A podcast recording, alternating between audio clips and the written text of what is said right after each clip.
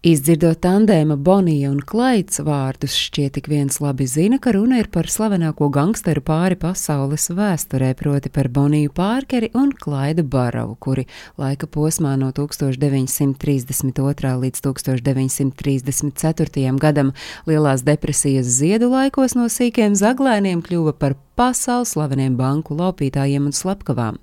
Bet kā tieši Bonija Pārkere kļuva par gangsteri? Iespējams, pie vainas tēva nāve, kas mainīja rāmi rimto Pārkeru ģimenes ritējumu. Bonija Pārkere pasauli ieraudzīja 1910. gada 1. oktobrī Rovenā, kas ir Teksasā, Amerikas Savienotajās valstīs. Gaišmetainā un zilacainā Bonija bija otrais bērns Pārkeru ģimenē.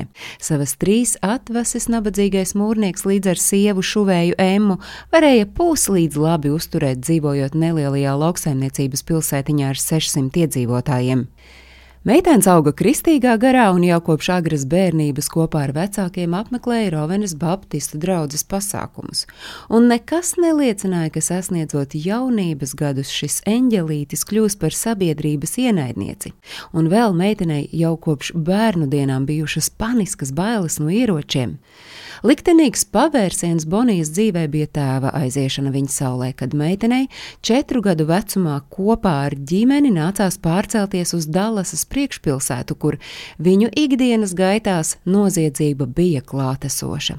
Skolas gaitas Bonija Pārkere uzsāka sešu gadu vecumā un jau drīz vien pierādīja, ka ir spējīga skolniece. Viņas stiprā puse bija rakstīšana, īpaši pareizrakstība, publiskā runa un parādījās arī aktieru meistarības dotības. Smalkā, graciozā un nenoliedzami pievilcīgā Bonija sapņoja kļūt par aktrisi.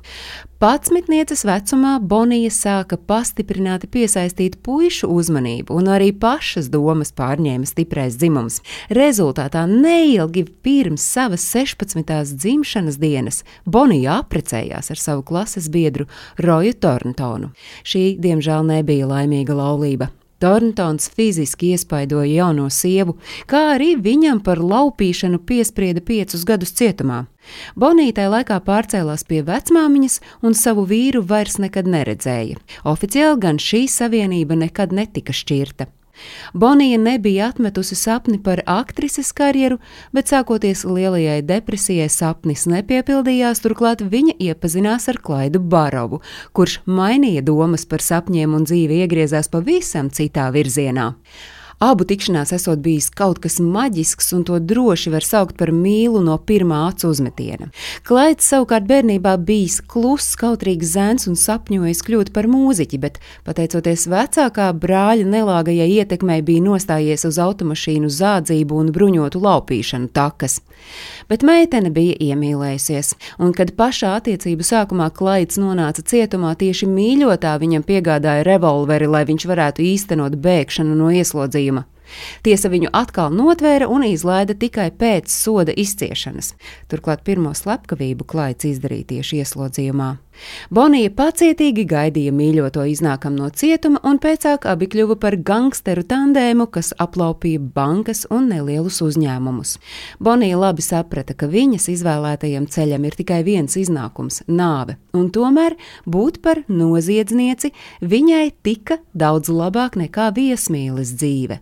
Divus gadus gangsteru pārim izdevās nenotvertiem pastrādāt virkni noziegumu, kas padarīja viņus par slavenākajiem noziedzniekiem Amerikā. kā Nācija ar neatslāpstošu interesi sekoja līdzi viņu piedzīvojumiem, un arī dzeltenā prese nesnauda. Viņi saviem lasītājiem piedāvāja ne tikai objektīvus faktus, bet arī krietni tos piepušķoja.